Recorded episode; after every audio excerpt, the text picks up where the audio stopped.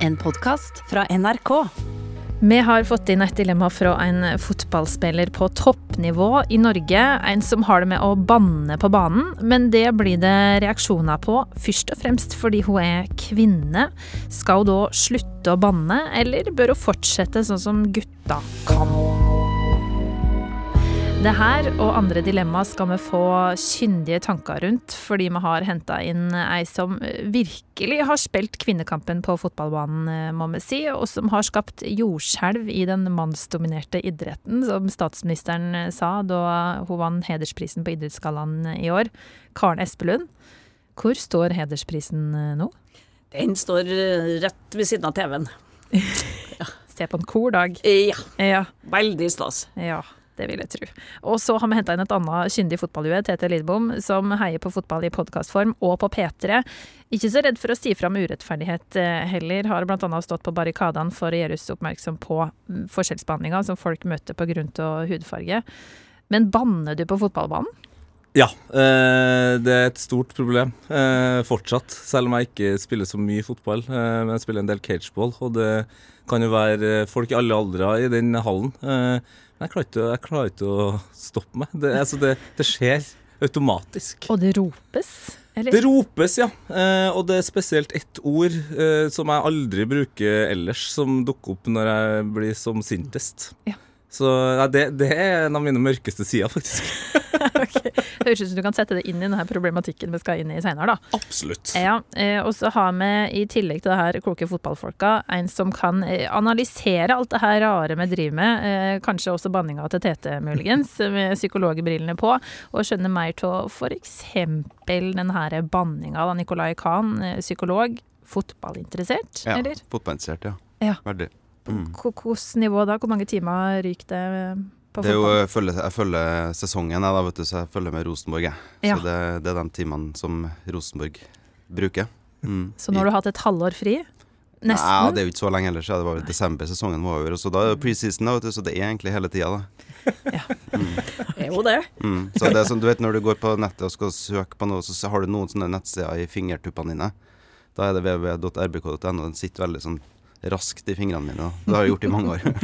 Det nikkes særlig stolt Ja, ja, ja. fra, fra karen her som sitter i Rosenborg-styret også. Yes.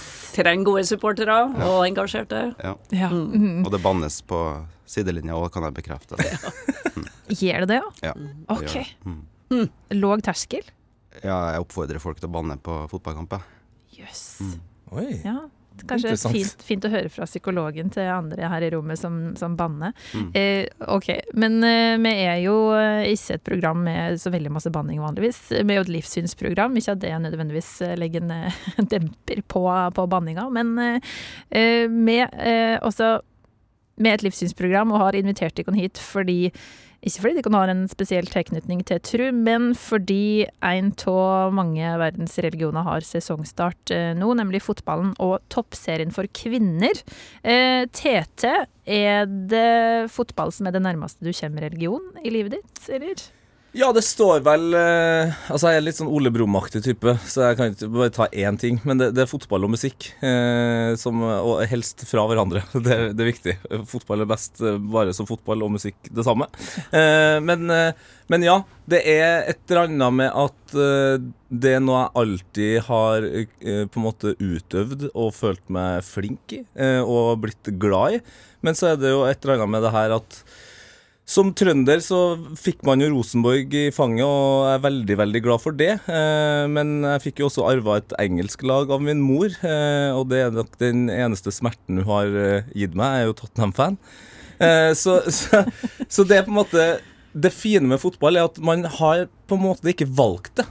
Og det føler jeg kan minne litt om religion. At man lære seg å leve med det, eh, og ta ut både de gode, og på en måte også prøve å forstå de dårlige tingene med fotball. Da. Eh, så, og så har fotball lært meg masse om livet, eh, og, og gjør det egentlig den dag i dag.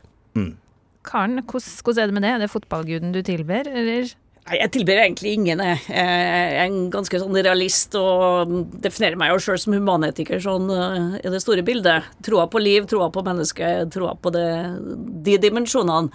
Eh, og da er jeg sånn bevisst på ikke ikke ha så tunge trosaspekt. Men jeg er engasjert sant, i, i mange felt.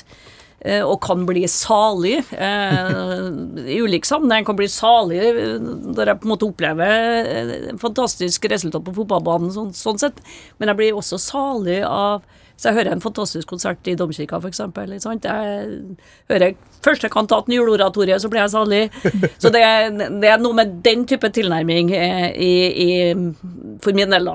Eh, du har jo vært med før, eh, Nikolai, og har fortalt om at du har vokst opp med jødiske tradisjoner, og at du ikke tror på noe spesielt. Mm. Men eh, har du tatt med deg noen verdier fra den her jødiske kulturen likevel?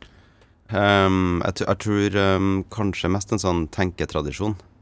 Det er vel det som jeg syns kanskje er det beste med den kulturen eller religionen, er jo at det er en tradisjon som er opptatt av uh, tolkning og tenkning og se ting fra ulike vinkler, da. Så det har jeg nok tatt med. Og så er det jo eh, om, Jeg syns jo på en måte det er vanskelig å komme utenom at du har med deg en familiehistorikk som handler om traumer også, da. At man har litt sånn bevissthet rundt det, da. Mm. Uh, og at det handler om eh, mer enn bare det å være jødisk, det, da, men det handler om hvordan mennesker opplever utenforskap og frykt og sånne ting, som er litt aktuelt i dag òg, for så vidt. da. Eller alltid aktuelt, det, da.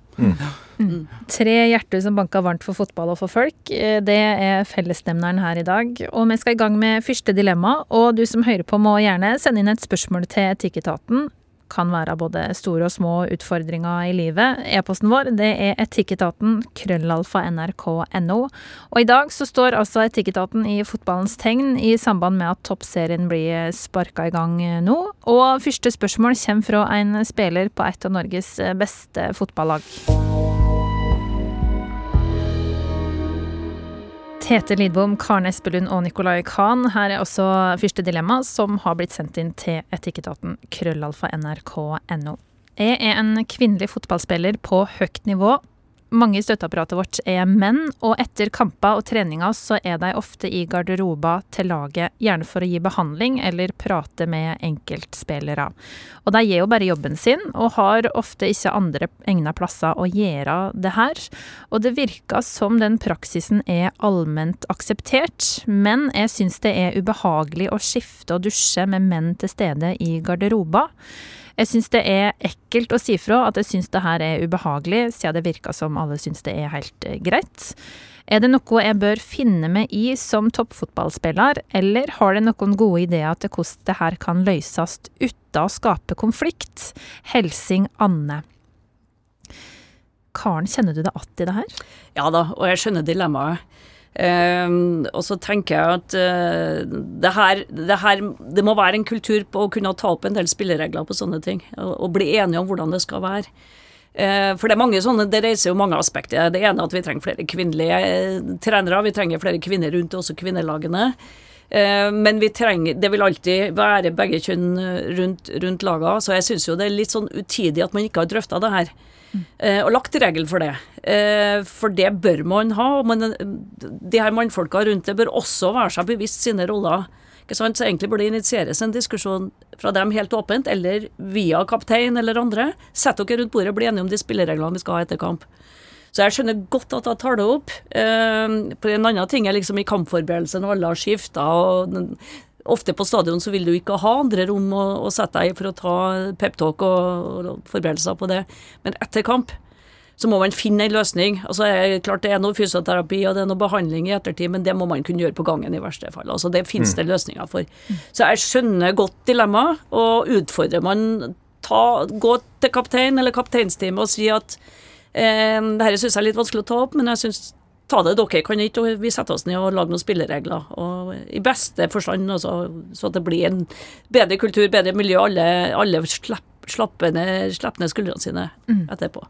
Men vi må ta borre litt mer i hvorfor det her er så ubehagelig. Altså, Tete, hvis eh, det hadde kommet inn en kvinnelig fysioterapeut i guttegarderoba etter eh, kamp, hadde det vært ubehagelig?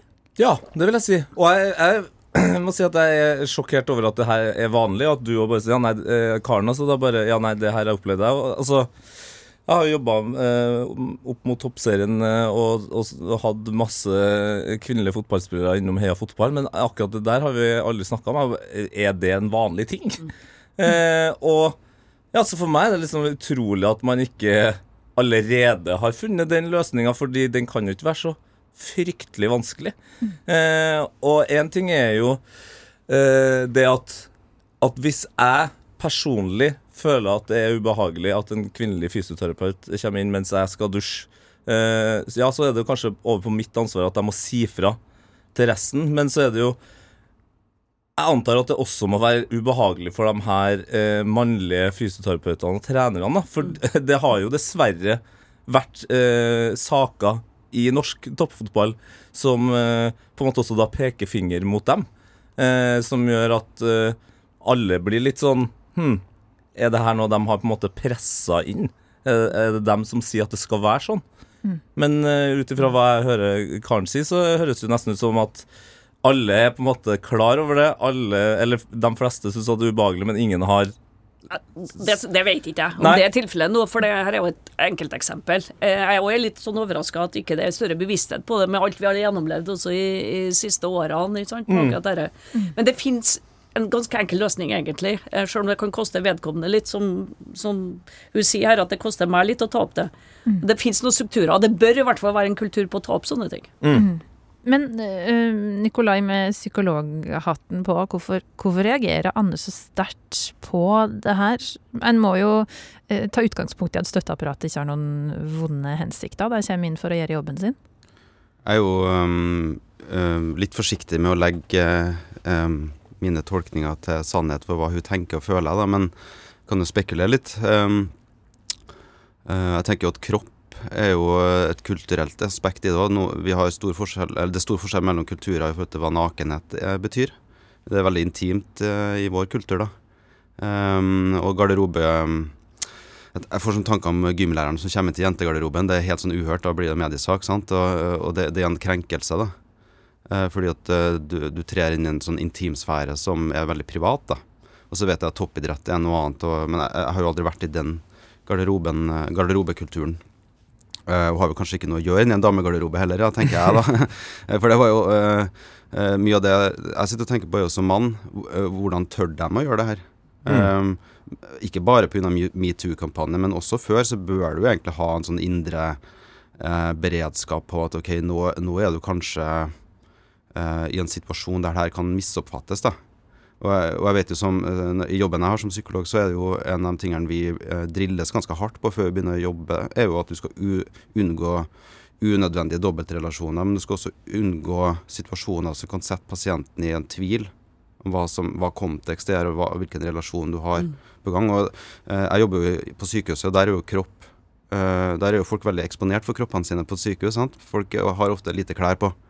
Eh, og da er det veldig viktig at jeg vet når jeg kommer inn til en pasient på pasientrommet, f.eks.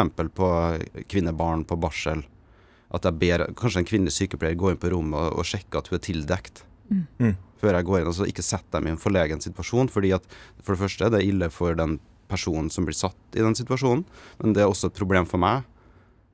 For jeg, jeg, jeg kan jo bli oppfatta som veldig mye forskjellig, det kan bli veldig mye tvil. Og I tillegg så jobber jeg med sårbare pasienter, så jeg må være ekstra varsom. Men, men jeg mener det her er noe som vi menn har et litt sånn ansvar for, da, å være bevisst, faktisk. fordi i en setting der, vi, eh, der det er potensial for misforståelser, eh, så er det noe sånn at kjønnsrollemønstrene og eh, ja, det er flere aspekter i det som gjør, no, eh, gjør at eh, eh, det er ikke dem som eh, utøverne i dette tilfellet her da, sitt ansvar egentlig å varsle fra. Det er egentlig eh, trener og støtteapparat sitt ansvar å tenke den tanken først. da. Og Det kan godt være at det er ikke er kultur for det, men det, er er der det må starte. og ehm, uh, hun, hun um, Innsenderen husker jeg ikke navnet. Anne. Anne, ja, hun, hun sa noe om at hun var uh, Jeg husker ikke formuleringa di, men eh, hun var redd for reaksjonene, eller Mm. um, Hvilke reaksjoner er det hun ser for seg? For jeg kan jo se for meg at hun er jo ikke den eneste på det laget som kanskje har tenkt dem tankene. Jeg er redd for at folk synes vi overreagerer, eller mm. kan For å være prippen. Ja, for å være prippen, ja. Jeg, jeg har jo sjøl vært med på å sette spilleregler rundt eh, eksempelvis kvinnelandslaget allerede for 25 år siden, hvor vi nettopp sa det, og, og trenerne sjøl var opptatt av det, for det var mannlige trenere. Og da var de veldig bevisst på at de går ikke inn på rommet til en spiller eh, alene. Ikke sant? Altså, det skal alltid være to stykker med i situasjonen, og det er veldig veldig mange år før dette ble veldig anskueliggjort som utfordringer. Så det er noe med ledelse her som skal ta tak i det og lage sånne type åpenbare kjøreregler. Og så av og til er jo dilemmaene at det er praktisk. da, Hvor verden skal du behandle en spiller sant, i forhold til praktisk, Det vet vi fra garderobesituasjonen, men det lar seg løse, tenker jeg. Ja, for det virker jo også da, siden det her er noe som skjer i flere garderober, da, så, så eh, skjønner jeg jo kanskje, etter vi har snakka litt nå, mer hvorfor Anne også syns det er vanskelig. Fordi eh, er det noe en fotballgarderobe eh, kan gjøre, uansett om det er kvinner eller menn eller gutter eller jenter, så er det at man vil ikke skille seg nevneverdig ut. Man vil ikke være den som syns at noe er vanskelig. Og så er det, det er en konkurransesituasjon. Altså, du har vennene dine rundt deg, men du har også kanskje din aller største konkurrent rundt deg. Og hvis du eh, er den som sier fra eh, om at det her er vanskelig, så viser du en svakhet. Og, og det, er, det vil ikke man eh, som en fotballspiller i en garderobe. Eh, og det er også litt sånn, tror jeg, litt vanskelig for oss som ikke er, er toppidrettsutøvere å tenke over at det her er noe som spinner i hodet til fotballspillere og andre toppidrettsutøvere hele tida, eh, i lagsport spesielt, er at de må forholde seg til hverandre som venner, men også som konkurrenter. Og hvis Anne da går ut og er den personen som klager, eh, i anførselstegn, om, om situasjonen, så, så kan hun også sette seg i en, eh, i en sårbar posisjon. da. Men tror du at støtteapparatet tenker at det her er liksom null stress med i 2022, så det her må nå gå bra? Det kan godt Det er være. liksom ikke sant? At det er litt sånn type naiv tilnærming til det, og, og ikke forstå autoritetsdimensjonen i det òg. Og som, som, her kan det være folk som har opplevd ganske alvorlige ting ikke sant? på personlige planet. Som dermed har de her, og trenger de her grensene som egentlig burde være ganske selvsagt i en sånn situasjon.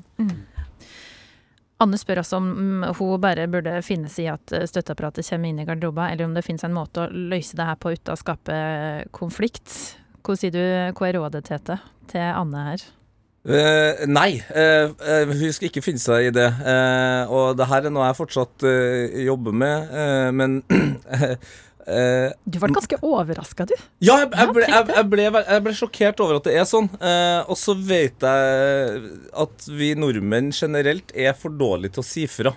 Uh, og, og jeg tror Anne, uansett hvordan liksom konkurransesituasjonen og sånt i, i laget vil eh, om, om, om det bare er snakk om måneder eller om noen år, setter så utrolig pris på at hun sjøl sa fra.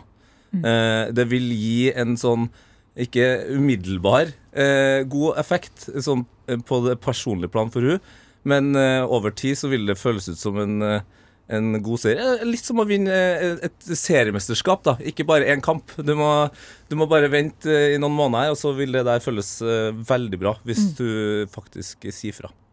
Er det kapteinen som er nøkkelpersonen her? eh, Ja, jeg tror det. Altså, i, I dette bildet så hører det jo hjemme at en, en eh, lege og en fysioterapeut rundt laget vil ha én-til-én-situasjoner hvor spillerne eh, vil ha den kanskje mer type nakenhet, for det har med behandlingssituasjonen og profesjonalitet å gjøre. Men her er det inni garderoben hvor alle, og ikke Det er en helt annen ramme på det. Stikkordet er kaptein, og hvis ikke ledelsen tar det Dette burde jo vært satt før sesongen som spilleregler. Det burde ha vært kjøreregler i en klubb på at sånne ting skal avklares. sant? Så det fins flere ting, men hvis ikke det har skjedd, bruk kapteinen din. Signerer du den, Nikolai? Jeg signerer på den, og så tror jeg det er viktig å tenke litt hvordan du snakker om det. da At du ikke tillegger støtteapparatet intensjoner de ikke har. Ja. For det, det, det er veldig fort gjort man kan gjøre det, da for at det er litt følelsesmessig krevende tema å ta opp. Så da kan det fort bli sånn. Men jeg tror at det må man være litt forsiktig med, men heller si hva det gjør med deg. Det kan ingen ta det på. Nettopp. Mm. Det var tankene rundt eh, Anne sitt garderobedilemma. Nå så skal vi i Etikketaten fra eh, toppidretten og tre til breddeidretten. I Etikketaten i dag så har vi altså samla en eh, fotballglad gjeng. Panelet er altså fotballpodkaster og generell radiofyr, Tete Lidbom. Eh, psykolog og Norges eh, største og mest diskré Rosenborg-fan, Nicolay Khan. Og fotballbauta Karen Espelund, som har en rekke sånn 'første kvinne til å prikk, prikk, prikk'-titler. Blant annet så var du første kvinne i Uefa-styret, og det kan komme godt med nå. I Etikketaten så skal det handle om fotball fotball og unger, eh, før vi skal inn i eh, et helt annet tema snart. Etter to år med pandemi og lite kamper og turneringer for fotballglade unger over hele verden, så er det veldig mange som gleder seg til å reise på cuper nå til sommeren. Og Norway Cup, verdens største fotballturnering, er en av dem. Hvert år tar de imot ca. 1500 lag fra hele verden. Og jeg husker sjøl at jeg var med på Norway Cup eh, i min barndom, og det var på mange måter liksom første møte med verden. Og for meg som hadde vokst opp i en eh, liten bygd, så setter det å treffe folk som hadde en helt annen bakgrunn enn meg, eh, spor. Og jeg husker fortsatt, jeg tror jeg har det, et armbånd som jeg fikk av det amerikanske jente 16-laget, som altså grusa oss så hardt. Og så fikk vi en goodiebag etterpå med veldig masse spennende godteri og, og et armbånd. ja. Det var veldig fint. Men dilemmaet som vi skal inn i nå, det er både alvorstungt og trist. Er det rett at unger skal utestenges fra turneringa pga. krigen som landet deres fører mot Ukraina?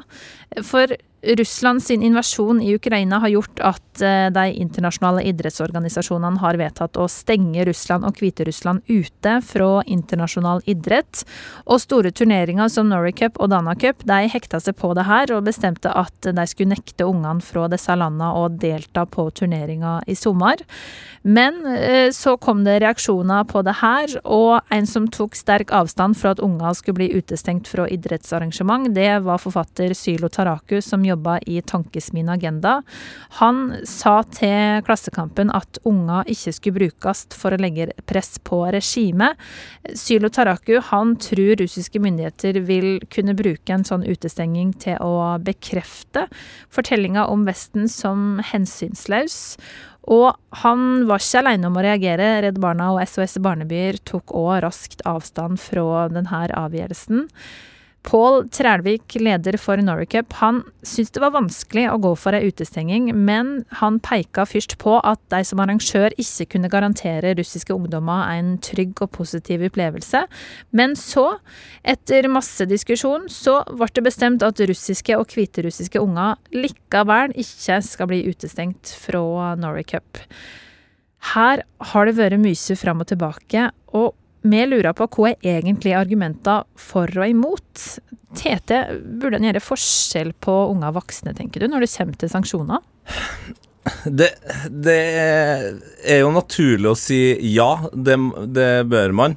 Eh, men jeg syns jo at det er et åpenbart poeng eh, det med at eh, man ikke kan garantere de her barna og ungdommene sin trygghet. Og, og det er egentlig litt godt å høre at noen eh, tør å si det høyt, fordi eh, spesielt vi i Norge eh, vi opplever oss sjøl som et raust land eh, rent eh, generelt, og, og vi, vi, respekterer barn og unge. Eh, men i en sånn situasjon som nå, da, så, så tar følelser ofte overhånd, og det kan fort gå utover barn. Og da er det jo litt sånn at barn som kommer fra Russland som skal spille på Norway Cup, Uh, uavhengig, la oss si at det ikke har vært noen invasjon av Ukraina, uh, så kunne de ha opplevd uh, kjipe ting. Fordi det er fotball, og det er følelser av det Norway Cup, og det er masse kids der. Men med den invasjonen som bakteppe, så, så hadde jeg hatt liksom vanskeligheter for å tro at det ikke ville ha vært tøft for de ungene. Mm. fordi du har foreldre som kunne ha slengt fra seg noe, eller det er demonstrasjoner som, eh, er, eh, som påpeker ting som de, de kommer jo fra en virkelighet som ikke ligner på vår. Så de vil også bli konfrontert da, med ting som de ikke tror finnes. Mm. Det her handler jo om både på ene sida om uh, russiske og for den del også ukrainske barn som er i Norge i dag, ikke mm. sant? Som, ikke, som, som en, skal få lov til å være en del av det norske samfunnet. Og så handler det eksplisitt eh, om de store turneringene, om russiske lag skal, skal få lov til å delta. Så det er jo et, et dilemma som reises, som er helt reelt. Eh, og hvor eh, i hvert fall Fotballforbundets ting, da, som liksom er eh, øverste organet, beslutta nettopp den tilnærminga her, at man ikke skal straffe barna for voksnes handlinger. Med andre ord at man tar et annet standpunkt enn det Norway Cup har gitt uttrykk for. Så Idrettsforbundet drev og diskutert en litt annen tilnærming. Og, og så, så, jeg, så, det her er jo, illustrerer jo at det er ikke noe enkelt svar. Mm.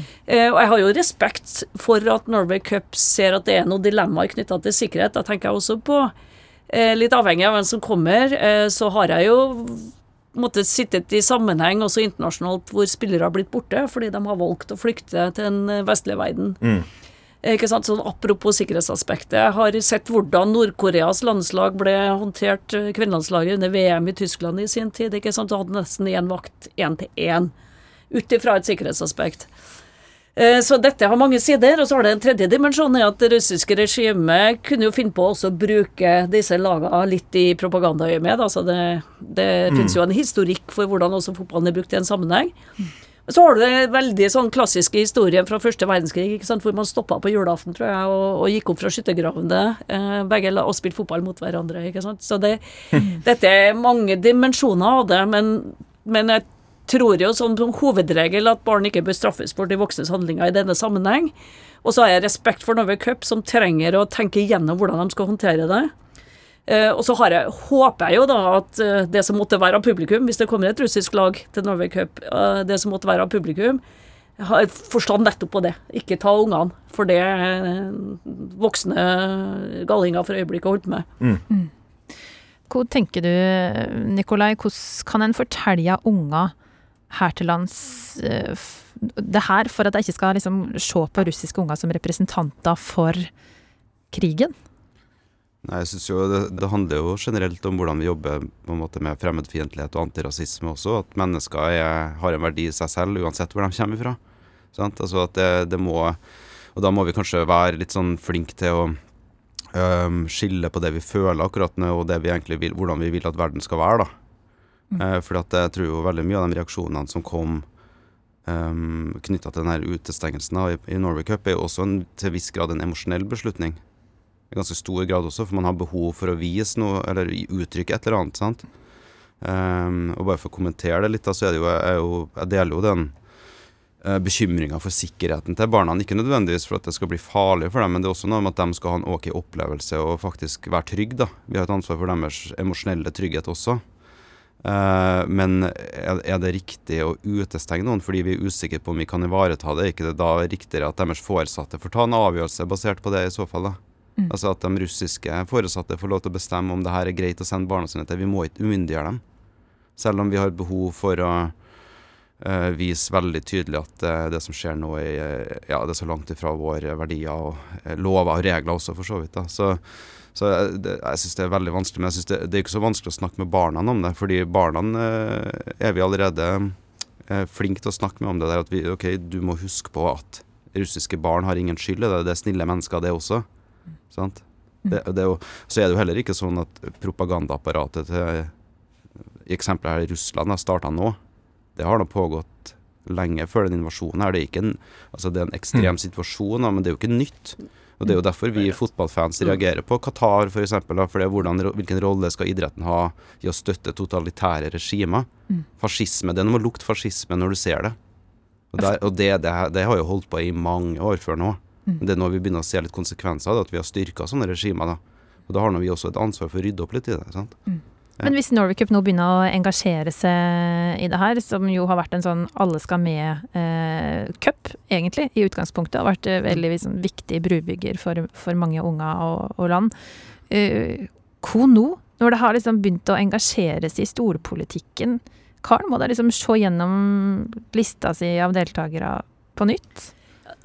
Nettopp som du peker på, Norway Cup har jo en fantastisk historie. Lenge før Fotballforbundet anerkjente at jentene skulle med, så åpna Norway Cup fra starten av i 72 for jentene. Fire år før Fotballforbundet sa ja. ikke sant? Man har invitert uh, veldig bevisst en del lag nettopp i, i, det humanistiske perspektivet. ikke sant? Og man hadde palestinske lag, man hadde israelske lag. Man prøvde på en måte å se på de dimensjonene der hvor, hvor folk jo er mangeårig konflikt. Jeg tror Nikolai er inne på litt altså Vi alle er sånn på individnivå og på institusjon- og organisasjonsnivå leter vi etter hva skal være vår reaksjonsform nå. Mm. Ikke sant? Selv så, så, er jeg nå direktør i en stor sånn museumskonstellasjon i museene i Sør-Trøndelag. Sånn. Og vi har sånn, Hva gjør vi for noe, bortsett fra å lyse opp Rockheim med ukrainske flagget? Hvordan kan vi bidra? Vi leter alle etter den type markering. Eh, og så må du tenke deg om et par ganger til på hvem eh, er det du faktisk eh, straffer eller eh, markerer deg på. Det må ikke være for din egen samvittighets skyld. ikke sant? Det må ha en effekt. Eksempel så når, når, det var en betydelig utfordring på rasisme i Brumunddal i sin tid for ganske mange år siden, jo så ble fotballen brukt veldig aktivt nettopp i forhold til som en brobygger inn i det. Hvor du mm. snakka med de lagene der hvor fotballen gikk foran på og tok det ansvaret for å bygge ned det. Så, så det kan også gjøres i en situasjon her. Eh, definitivt. Så det, det fins noe metodikk da, rundt det. Uh, uten at dermed at det er enkel beslutning knytta til det ene eller det andre. Mm. Det er jo ikke sånn at du kommer nærmere, nærmere hverandre ved å øke avstanden. Mm. Hvis det er sånn at uh, ukrainske lag ikke får delta på Norway av uh, praktiske og tragiske grunner, er det egentlig da rett at Russland skal få sende sine lag til Norway Cup, tenker du, Tete? Åh, det, det er kanskje den vanskeligste biten. Eh, for er det noe vi gjerne skulle ønske oss, er jo at det er de ukrainske barna som skulle ha en fin opplevelse i, i sommer. Men som du påpeker, det, kanskje rent praktisk så er ikke det mulig. Mm. Eh, og da vil det jo føles eh, veldig merkelig at eh, man har russisk, russiske barn som spiller der. Mm. Så det, den kjenner jeg liksom stikker litt, fordi da ja, det, det, det gir uh, dilemmaet et helt annet perspektiv for meg. Eh, hvis det, det, fortsatt er, er krig, og, og, om krigen kanskje akkurat har slutta, og, og Ukraina eh, på en måte må konsentrere seg om sitt, eh, så vil det jo fortsatt være ukrainske flyktninger i, i Norge. og, og Karl minte oss jo på når Norway Cup hadde ja, satt opp kamper Eh, med israelske og palestinske barn. Da, at de også ble invitert sammen. Og da tenker jeg jo plutselig at da får man jo eh, en veldig sånn fin showcase der man kan vise hva fotballen kan bety om man har da eh, ukrainske flyktninger her i Norge som får, får spill på Norway Cup som Ukraina. og at da er det selvfølgelig naturlig at også russiske barn spiller her, og at man da på en måte endelig finne tilbake til essensen til Norway Cup, da, som er at alle skal med. Eh, og, og, og, og, på tross av hva som skjer i verden, så ruller på en måte fotballen videre og kan sette eh, et positivt fortegn bak eh, idretten eh, og på en måte gi ungene den muligheten til å ja, gjøre det gøyeste i verden, som er å spille fotball. Og Det kan til og med tenkes, litt avhengig av hva status er når vi kommer til dette tidspunktet, eller i litt perspektiv at man fra, fra Novacups side kunne tenke seg å invitere ukrainske lag. Mm. Som, en, eh, som, en, aktiv handling, også det, uten at jeg skal legge det presset på dem på ingen måte. Eh, men det er også en type tilnærming, nettopp fordi du kan, du kan bidra på det, da. Mm. Men en av de tingene som Norway Cup-ledelsen er redd for, er at det skal ikke bli så hyggelig for eh, russiske barn å stå på sletta der og bli representanter for, for denne krigen. Hvordan kan en snakke med ungene sine om det her, Nikolai, i forkant for å forhåpentligvis forhindre at det skjer? Da tenker jeg jo at klubbene som sender barn, f.eks., eh, må ha en holdningskampanje. altså Rett og slett snakke med lagene sine om hvordan vi skal opptre. Mm. Hvordan vi skal være. Må ha et aktivt og bevisst forhold til det. Ikke bare ta det for gitt at barna har kompass på det. da. Og også forberede dem på at de helt sikkert kommer til å kjenne at det stikker litt i magen, at de er nødt til å gjøre en innsats for å få det til. Men hva skal en si? Nei, akkurat sånn. Mm. At du faktisk, Rett fram. Ja, mm. Det er ikke noe vanskeligere enn det. Mm. det ikke legg imellom. Det her, nei, kommer, dere kommer til å kjenne på et sinne, og dere kommer mm. til å kjenne på uh, motstand mot å gjøre det på, med barneord. da. Uh, og det er helt normalt å gjøre det, fordi det er så sterke inntrykk dere har blitt utsatt for. Men husk på at det er ikke deres feil at det har skjedd. De barna her er her for å spille fotball, og de har akkurat samme ønskene og drømmene for livet sitt som dere har. Det er ikke deres feil at Ukraina blir bomba. Sant? Og det er jo kanskje, det er kanskje også det, det kjenner jeg på som voksen at det er lett for oss å, å bli såpass emosjonell at man glemmer at uh, den krigen her, selv om det da er Ukraina som blir invadert, er jo et, en stor tragedie for, for russiske folk òg, Mm. og, og russiske barn. Eh, og, og, og det vil vare lenge, uansett hvor lenge den krigen her eh, pågår, så, så vil det her være noe som russiske barn vil lide under over lang tid. Så, og det tror jeg kanskje er en sånn viktig ting å, å presisere til, til barn. da. Mm. At det er to sider eh, som lider her, selv om det er den ene som er, er på en måte den aggressive.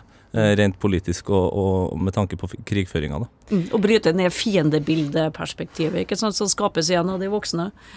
Det her det er en eh, diskusjon som jeg helt sikkert ikke har eh, sett slutten på, men vi skal ta og la den ligge her i Etikketaten, og så skal vi hente fram vår hellige gral. Her i Etikketaten så har man nemlig en tradisjon for å legge bort dilemmaet i noen minutter, og heller liksom pirke litt mer i hvem som sitter i panelet her eh, i dag. Og måten som vi gjør det på, det er ved å la dere få svare på et spørsmål som ligger oppi den her nydelige hellige gralen her. Og i panelet i dag så er altså psykolog Nicolai Kahn, tidligere fotballspiller og generalsekretær i Norges Fotballforbund, og samfunnsviter Karnes Espelund. Yes! Tommel opp på den. Og Tete Lidbom, kollega her i NRK Radio, og trommis. Ja, takk. Jeg fikk den, ja. Jeg innså at eh, på, på utdanningssida så har jeg absolutt ingenting eh, å stille opp med. Så det var godt å Jeg håper ingen av dere spiller trommer, for da har jeg den alene. Har jeg, ja, yes, da har jeg den alene. Score. Tattis-rocka trommis. Yes, det er meg. Ja, ja, ja. Men før de skal få lov til å trekke et spørsmål, så skal vi høre et lite eh, klipp. Fordi Nicolay Kahn har nemlig vært med her i Etikketaten tidligere, og har da fått spørsmål om hvem som er hans eh, forbilde. Ja, jeg har, jeg, jeg har nok det. Ja.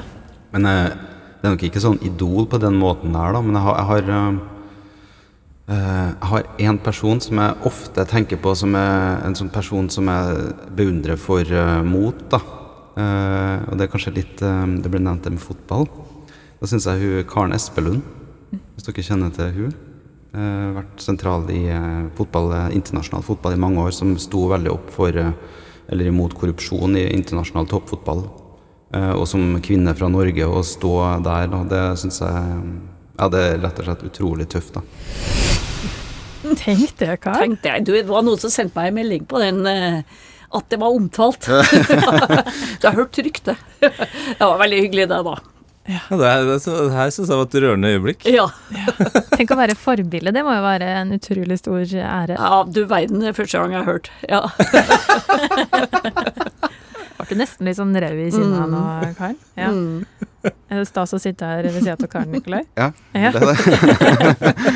Blir det selfie etterpå? Ja, det kan, det kan godt tenkes. Ja. Jeg er veldig glad for å få lov til å være med på det her, ja. Men det, poenget er at man i hvert fall har stått for noe, at det er det som gjør at man eh, er det ikke er på andre dill og dall-ting. Nei, det er jo det som jeg sier der, da. Men, eh, men du har stått i mange kamper, da?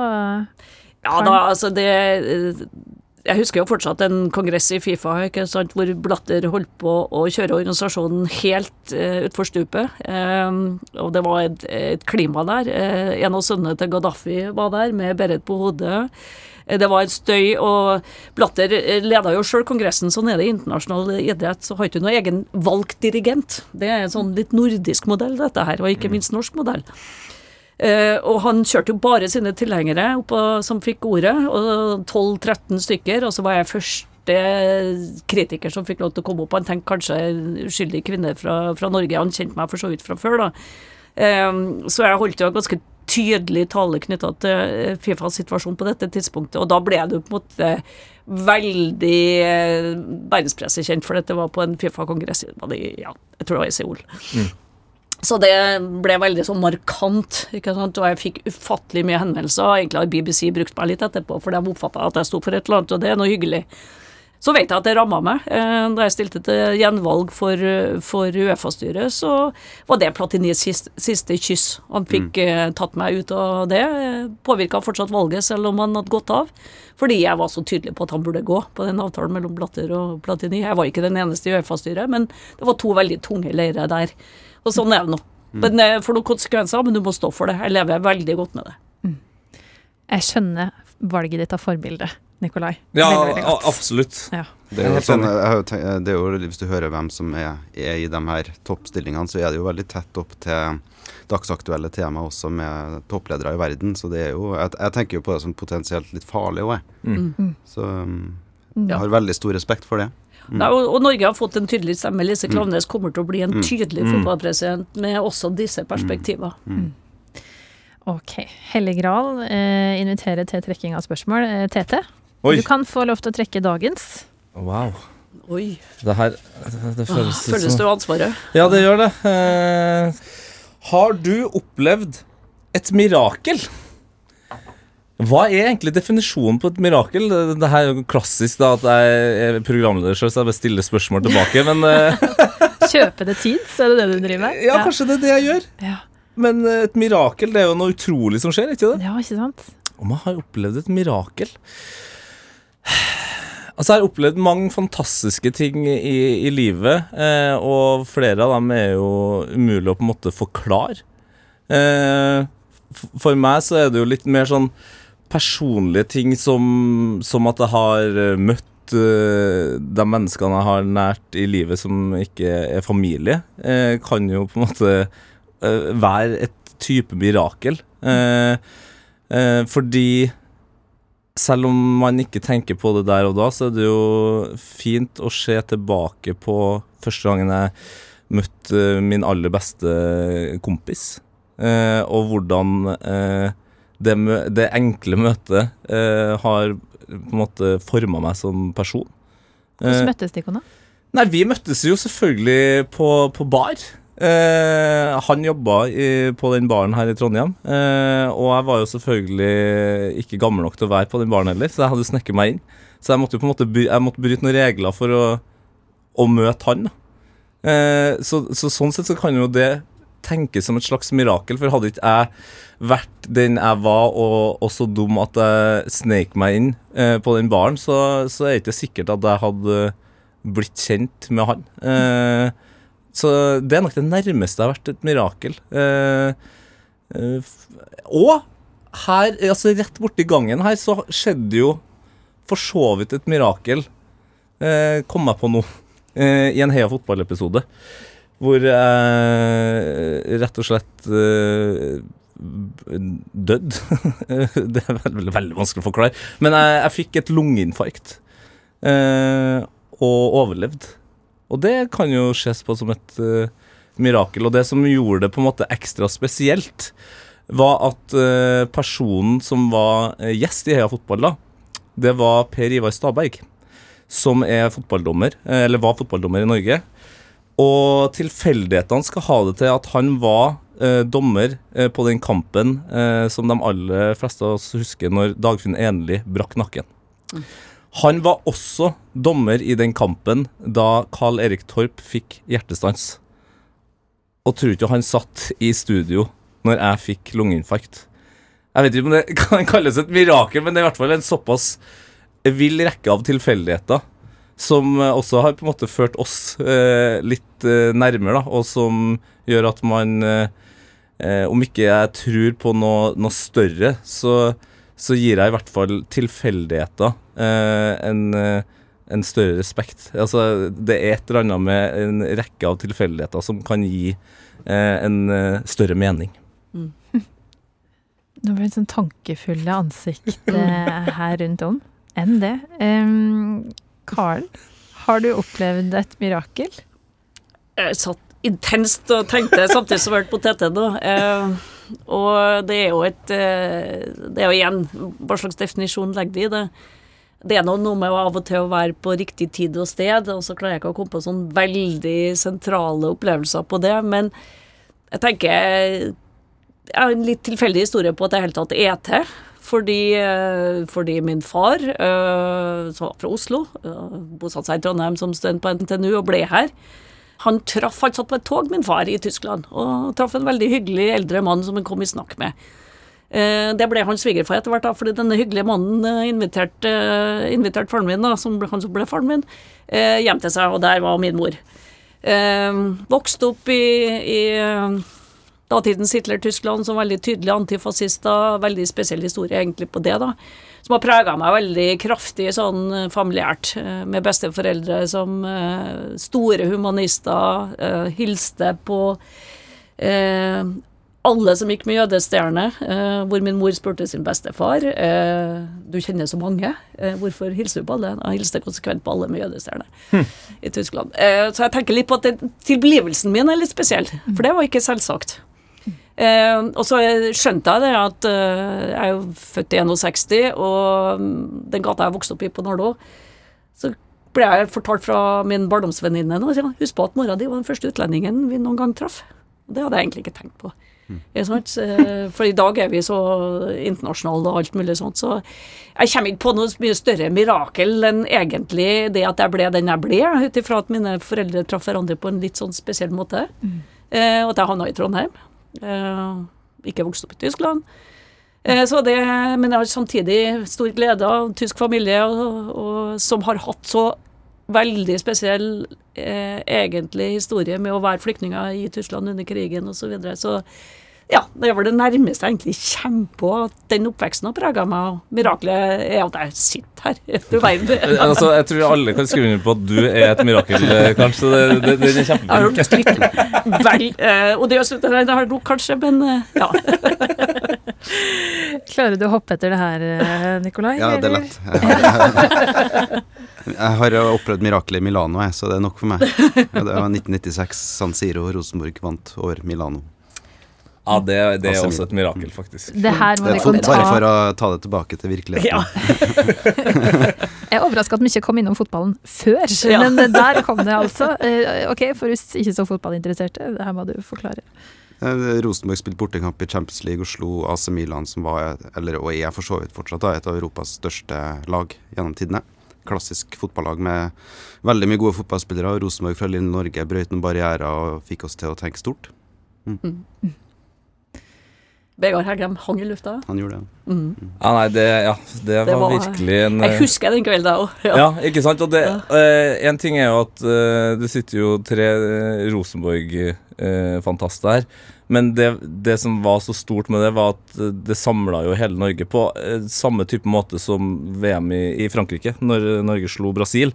Eh, og, og det var jo et mirakel i form av at man nok en gang da fikk bekrefta at hvis man eh, gjør det på vår egen måte, så kan Norge også nå langt da, i, i, i fotball. Og vise igjen hva fotball eh, kan bety utenfor selve eh, stadion. Eh, det gir en følelse av tilhørighet og, og glede og oppstemthet. Husk på, det var jo, Da satt vi hver, eh, hver Champions League-kamp foran TV-en med foreldrene våre og så, og så kamp. sant? Det var en fin ting. Vi, og Det å være litt sånn emosjonell sammen. og Det er mange ting som skjer i det øyeblikket der som er mer enn bare et mål. da. Men er det bare ferdigheter og taktikkeri som ligger til grunn for at det er vann, eller går tankene dine til noe større enn det? jeg tenker jo litt galskap, jeg, da.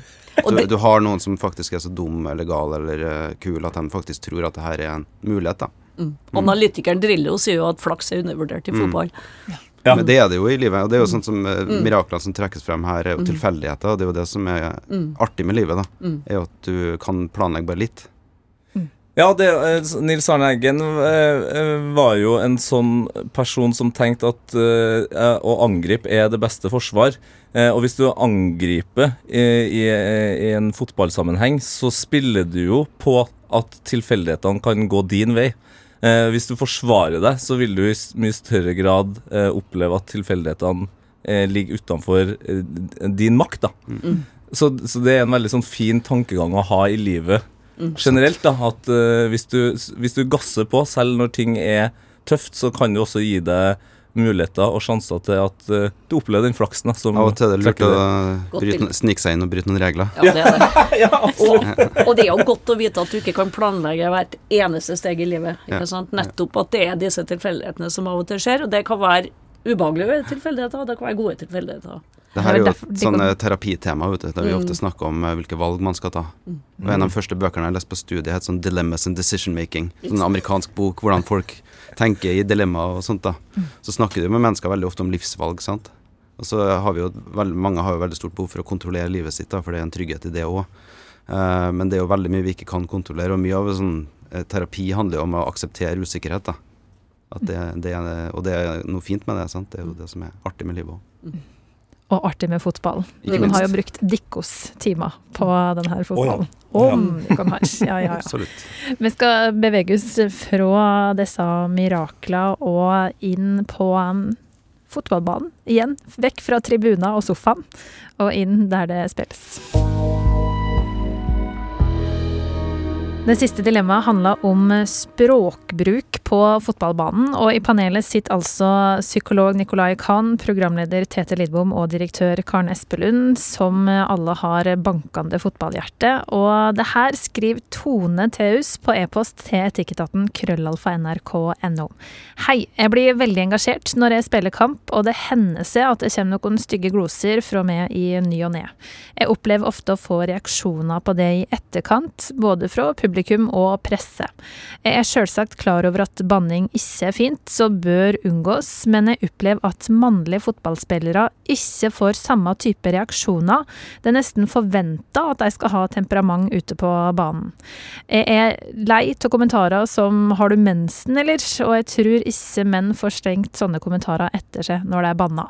Jeg syns det er vanskelig å forsvare banninga mi, da jeg veit at det ikke er bra. Men samtidig så ville jeg bli behandla på samme måte som de mannlige kollegaene mine. Hva ville det gjort i denne situasjonen? Det kan kalle meg Tone. Nikolai, hvorfor oppleves banning fra kvinner sterkere? Da kommer vi vel ikke utenom at det handler om eh, kjønnsroller og forventninger til hvordan kjønnene skal være. da. At det er, det noe hardt og litt sånn brutalt med banning, kanskje. Eller et sånt kraftuttrykk. da. Så kan det jo være at eh, vi har fortsatt noen idealer om at kvinner skal være litt mildere og litt mer høflige og dempet, kanskje. Bibelske, reine, Ja, plettfrie kvinner? Det kan godt være det er litt sånn eh, gammel kjønnsmoral som preger oss i større grad enn vi Eller det er det jo, tenker jeg, uten at vi skal stille noen spørsmål med det. Så eh, det er i hvert fall min tolkning av det. Mm. Er det her som er skylden eh, til at det reageres mer på banninga til Tone her, Karen?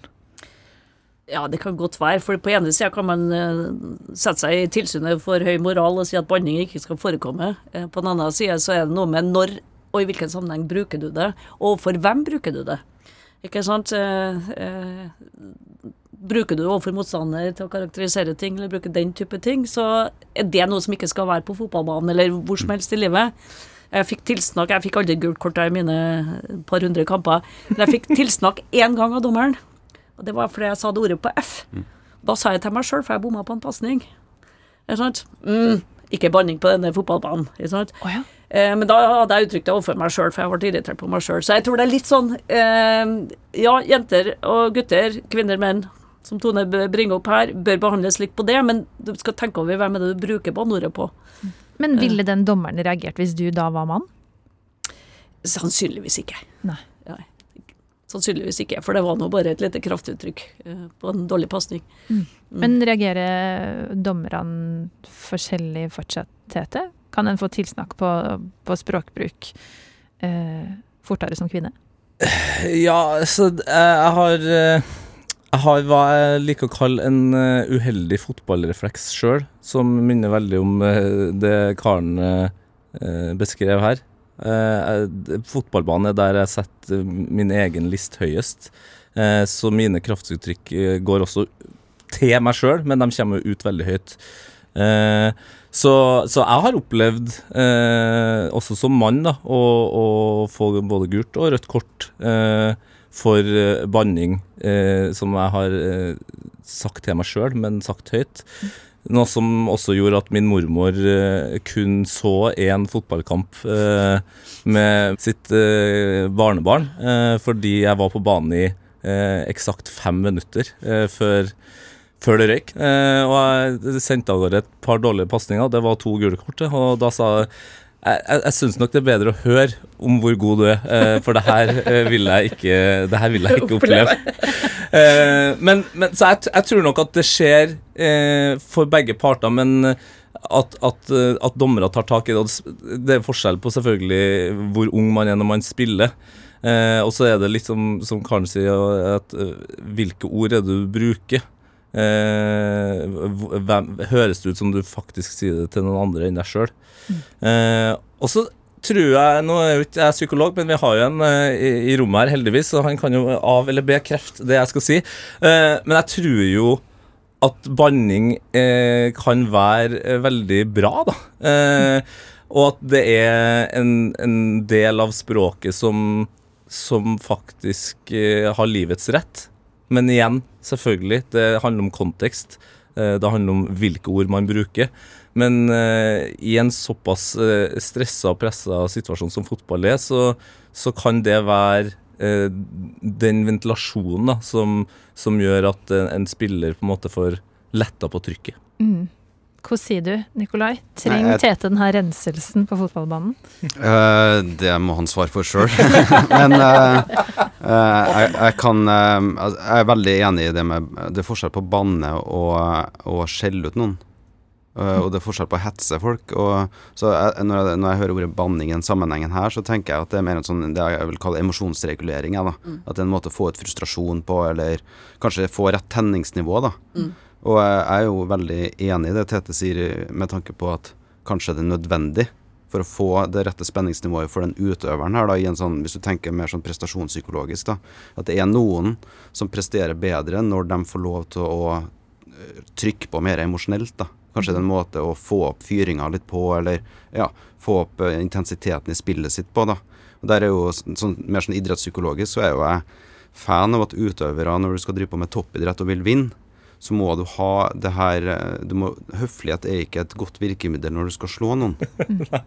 Det er, et, det er et godt virkemiddel når du skal bli venner med dem. Mm. Så du må vite når du kan bruke det og ikke. Og så handler det jo alltid om Det er noen regler, noen spilleregler som handler om anstendighet og Eh, det er visse ord som ikke er et banneord, men som er eh, rasistisk eller kjønnsmotivert. Eller, men, men, hvis det er sånn i kvinnefotballen at kvinner ikke får lov til å si F-ordet når de bommer på en pasning, mm. Eh, så tenker jeg det er kjønnsstereotyp, da. Mm. Mm. Ikke sant? Problemstillinga som Tone reiser, er jo egentlig dommerens reaksjon. Eh, men det avleder jo en diskusjon oss imellom hva som er akseptabel atferd overfor motstander, på en måte mm. det vi også diskuterer her. Mm.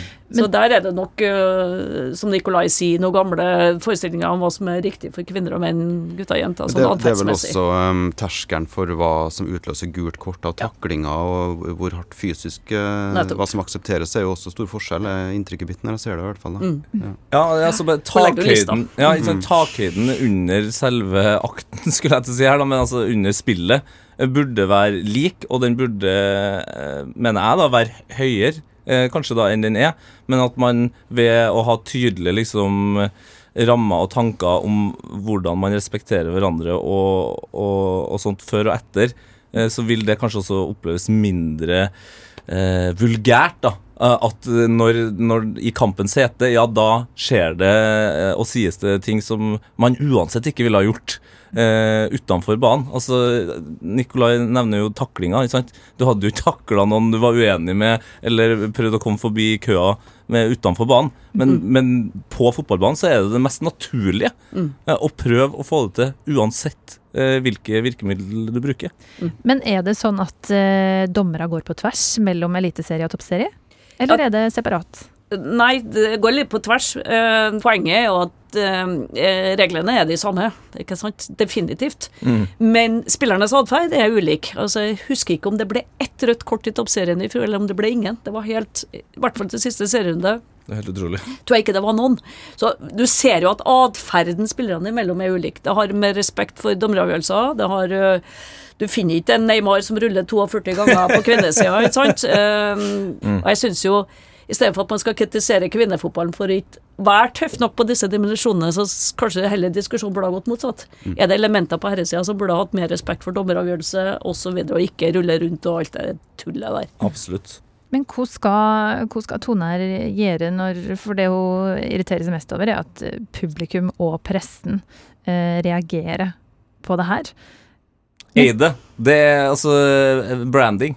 Det, det er enkelt. Vi lever, vi lever i en uh, verden der uh, man kan uh, gå inn på et TV-program som heter Farmen, f.eks., og, og nærmest med vilje være en slags villen. da. At du er en slags fiende, og, og likevel på en måte få med deg folk til å, å tro på det narrativet. Eh, og det kan, altså, jeg, skal ikke legge alt det på Tone, men, men det, det, det er interessant å se at også fotballspillere og idrettsutøvere i mye større grad nå forstår at det går an å bestemme eh, sjøl hvordan folk eh, oppfatter deg, eh, og, og ta deg for den du er.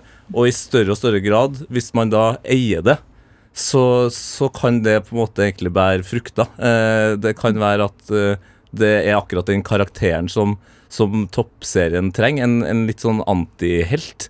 Eh, nå ser jeg veldig stort på det, men jeg, jeg, jeg kjenner bare at jeg, jeg ble liksom For meg som, som, eh, som jobber opp mot fotball, og sånn, så er jo, det her er jo det jeg trenger. Jeg, jeg vil jo ha sånne folk som skiller seg ut. Jeg vil jo eh, vite hvem Tone er, og, og hylle at hun er annerledes, og at hun, hun drar på, liksom. Og at hun også får Hun får jo publikum engasjert, da. Eh, og det er jo kjempebra. Eh, på tross av at det handler om banning. Så, så, så, så syns jeg det jeg personlig eh, hyller det. Vi, for, vi forutsetter at da banner til seg sjøl og ikke ja, til det er viktig. ikke sant? Ja, det er viktig. Det er veldig viktig. Ja. Tone, stå fram. Du har TT som stor supporter her. Ja. Ja, er du supporter sjøl, Karl? Sier du kjører på med banning og stå i det? Eller skal du liksom ta diskusjonen og gjøre folk klar over at hallo, hadde jeg vært mann, så hadde du ikke reagert på det her i det hele tatt? Ja, synes, eh, ta det etter kampen. Gå til dommeren og si hvorfor eh, gjør du det også. Ikke sant? Høres ut som han er tøff nok til å ta den diskusjonen der. Dommerne er også opptatt av å lære. Ja, så lenge du tar det etter kampen i en, i en konstruktiv form. Ja. Eh, Så kan en jo støtte seg litt på argument fra psykologen her også, da. At det her er faktisk bra for å få opp liksom tenningsnivået og prestasjonen. Og så tror jeg, og det her Det kan høres veldig kjønnsstereotypt ut, det, det er ikke ment sånn. Um, men eh, får jeg hat e-poster etterpå nå, så står jeg i det òg. men jeg, jeg tror eh, skal vokte seg for å søke etter aksept hos sine um, i, i sin gruppe, da. For Mm. at hun er seg sjøl. Ja, godt poeng. Eh, fordi i, mm. hos, hos menn så er det nok eh, kanskje en større vane, da, for at man er, ikke bryr seg så mye om det, i stor grad. Mm. Eh, også om, om jeg banner mye, i, og kollegaene mine som er, syns det er for mye, så syns de det er for mye, men jeg syns jo ikke det. Mm. Mm. Um, så det er ikke på en måte oppgaven min å regulere hva de tenker om meg. Mm. Men det er kanskje i større grad så, så er kvinner litt mer disponert for å få den automatiske tanken at de andre må synes det er greit at jeg er sånn. Nettopp. Så det kan jo være en utfordring til hun da, at hun må, hun, litt sånn som Tete sier, å eie det litt. Og, Mm. ok, det er det hun har behov for for å prestere, og det er sånn hun er. Mm. Eh, og det er, en, det er en god ting å være sånn Mm. for hun. Mm. Godt poeng. Absolutt. Men legg masse på Tone her, eh, her nå. Ja, men hun virker jo som en person som har mer enn nok uh, å, å komme med, så det, det trodde jeg er noe problem. Argumenter til Nikolai og uh, krafta til Karen, og litt sånn derre eh, faen heller-holdninga som Tete har. Yes! Ja, der har du oppskrifta, ikke sant? Det var etatens tanker for i dag. Radiofyr Tete Lidbom, fotballkvinners kriger eh, Karen Espelund og psykolog og blyg RBK-supporter Nicolai Khan satt altså i panelet her eh, i dag. Neste uke er vi tilbake med en eh, ny gjeng, og hvis du har tips til et dilemma som jeg kan ta opp eh, her i Etikketaten, eller kanskje ei floke fra eget liv som du vil at vi skal tenke høyt rundt, så må du gjerne sende en e-post taus til Etikketaten, krøllalfa nrk.no. Så finner du flere podkastepisoder fra Etikketaten i appen NRK Radio. Og så hører du oss i NRK P2 hvor torsdag klokka tolv. Jeg heter Kjersti Anderdal Bakken, og vi høres. Du har hørt en podkast fra NRK. Hør flere podkaster og din NRK-kanal i appen NRK Radio.